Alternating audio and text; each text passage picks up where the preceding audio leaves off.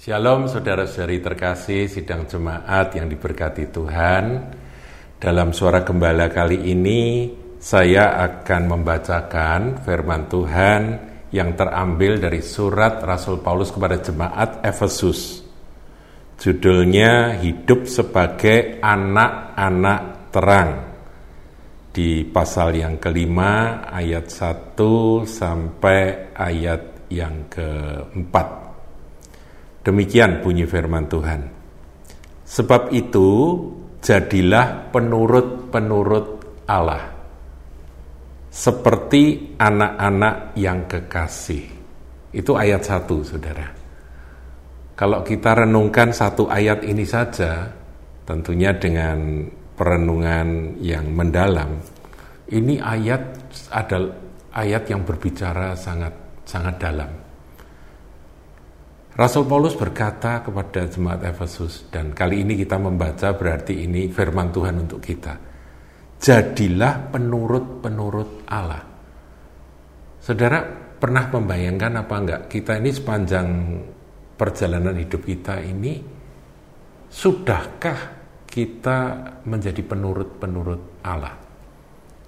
Artinya kalau anak gitu itu nurut gitu ya pada orang tuanya. Orang tuanya ingin begini ya nurut begini, ingin begitu kita nurut begitu, dikasih tahu ya nurut, bukan membantah, oh, dikasih tahu sesuatu melawan, membantah, sok pinter, enggak demikian saudara.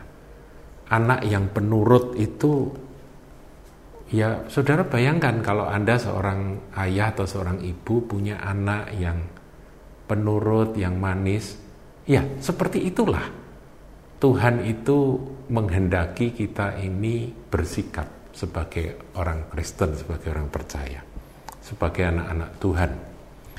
Sebab itu jadilah penurut-penurut Allah seperti anak-anak yang kekasih.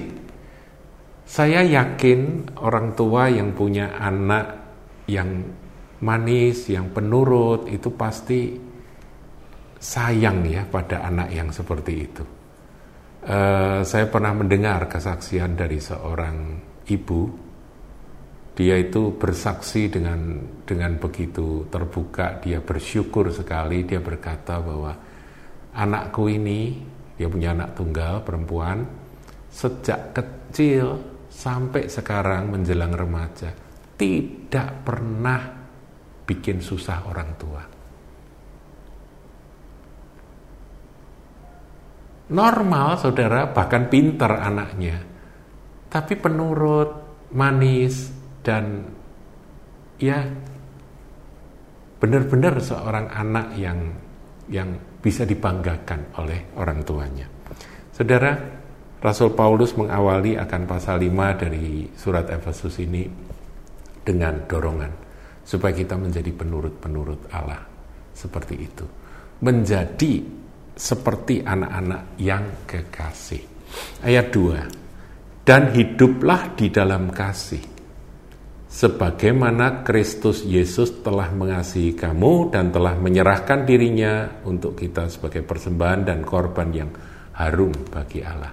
Contoh teladan kita adalah Tuhan Yesus Kristus yang telah mengorbankan dirinya dan mengasihi kita dengan kasih yang sempurna. Marilah kita belajar di dalam hidup ini untuk terus hidup di dalam kasih. Dan hiduplah di dalam kasih. Karena Tuhan telah terlebih dahulu mengasihi kita, biarkanlah kasih Kristus itu melimpah di dalam hidup kita dan membuat kita memiliki satu kualitas hidup yang dipenuhi dengan kasih Kristus. Ingat, bahwa Tuhan telah mengasihi kita dengan mengorbankan dirinya sebagai korban tebusan bagi kita.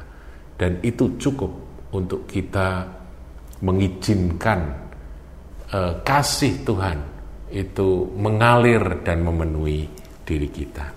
Sehingga kita dapat hidup di dalam kasih. Kemudian ayat yang ketiga dikatakan tetapi percabulan percabulan dan rupa-rupa kecemaran atau keserakahan disebut saja pun jangan di antara kamu, sebagaimana sepatutnya bagi orang-orang kudus. Saudaraku, kepatutan hidup orang kudus itu digambarkan di ayat 3 ini urusan yang disebut percabulan atau porneia ya dalam bahasa aslinya. Ya kalau sekarang itu hal-hal yang porno begitu. Atau rupa-rupa kecemaran ya yang yang cemar-cemar atau keserakahan disebut saja pun jangan di antara kamu. Jadi itu bukan bukan bagian dari orang-orang kudus, saudara. Jadi nggak usah dibahas, nggak usah dibicarakan, disebut pun jangan, apalagi dilakukan, ya. Jadi betul-betul harus dibuang dari pikiran, dari uh, perkataan kita, semua itu, yaitu percabulan, rupa-rupa kecemaran, atau keserakahan. Kemudian ayat 4, demikian juga perkataan yang kotor, yang kosong atau yang sembrono. Kotor, ya kadang-kadang sudah jadi orang Kristen tapi mulutnya masih kotor, saudaraku ya. Masih mengeluarkan kata-kata kotor, makian, kemudian bahasa-bahasa yang tidak patut dipakai oleh seorang anak Tuhan. Kita harus bertobat. Pertobatan itu dimulai dari hati, kemudian pikiran, kemudian perkataan dan perbuatan, saudaraku. Jadi dalam segala aspek kita harus bertobat dan harus berpindah dari gelap pada terangnya yang ajaib. Jadi perkataan yang kotor, yang kosong, kosong itu artinya perkataan yang nggak ada maknanya, hanya hanya apa membual saja yang nggak ada artinya, nggak ada nggak ada tujuannya, nggak ada artinya. Sembrono artinya nggak dipikir gitu ya asal ngomong gitu. Nah, sering kali itu menjadi sesuatu yang menimbulkan malapetaka. Perkataan-perkataan sembrono yang keluar, maaf kata istilah bahasa Semarang itu calcul begitu ya, itu bisa membuat uh, masalah yang yang tidak pernah diperhitungkan, tidak pernah di, di, dipikirkan kok bisa sampai jadi seperti itu hanya karena tidak menjaga mulut ini. Nah, saya tambahkan ayat 5 Saudara. Karena itu ingatlah ini baik-baik, tidak ada orang sundal, orang cemar atau orang serakah. Nah, kalau Sundal, Cemar kita tahu ya. Kita kita nggak usah bahas itu.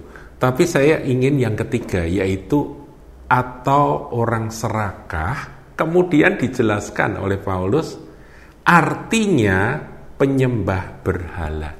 Jadi rupa-rupanya orang serakah itu penyembah berhala. Berhalanya apa? Ya keserakahan itu, keserakahan ter, untuk untuk untuk mendapat kekayaan yang lebih dan lebih lagi. Keserakahan, saudaraku. Semua keserakahan itu dasarnya adalah egoisme. Pokoknya semua untuk aku, untuk aku. Aku dapat untung lebih besar, untung lebih besar. Ini harus dijaga, saudara. Jangan sampai menjadi serakah. Berkali-kali saya sampaikan bahwa anak-anak Tuhan itu adalah umat yang diberkati Tuhan bisa membuat anak-anak Tuhan itu diberkati berlimpah-limpah seperti Abraham, Ishak, Yakub yang menjadi sangat kaya, bisa saudaraku. Tetapi jangan sampai seorang anak Tuhan menjadi serakah. Sebab keserakahan itu punya makna sama dengan penyembahan berhala, dikatakan ya. Artinya penyembah berhala dan orang serakah tidak mendapat bagian dalam kerajaan Kristus dan Allah. Jadi kalau ayat yang kelima tadi kita kita renungkan saudaraku orang sundal, orang cemar atau orang serakah itu jadi satu grup tingkatnya sama. Ada orang tidak melakukan persundalan, tidak melakukan kecemaran, tidak melakukan uh, itu percabulan dan sebagainya, tetapi dia hidup dalam keserakahan dia disamakan dengan dua yang pertama ini di ayat 5 tadi. Jadi kita harus waspadai saudaraku bahwa tidak ada orang-orang seperti itu yang disebut sebagai penyembah-penyembah berhala itu yang mendapat bagian dalam kerajaan Kristus. Kenapa disebut penyembah berhala? Karena orang serakah itu ya berhalanya adalah mamon. Sebab itu menjadi kaya tidak salah, tetapi menjadi serakah itu dosa, saudaraku, dan tidak mendapat bagian dalam kerajaan Allah ataupun kerajaan Kristus.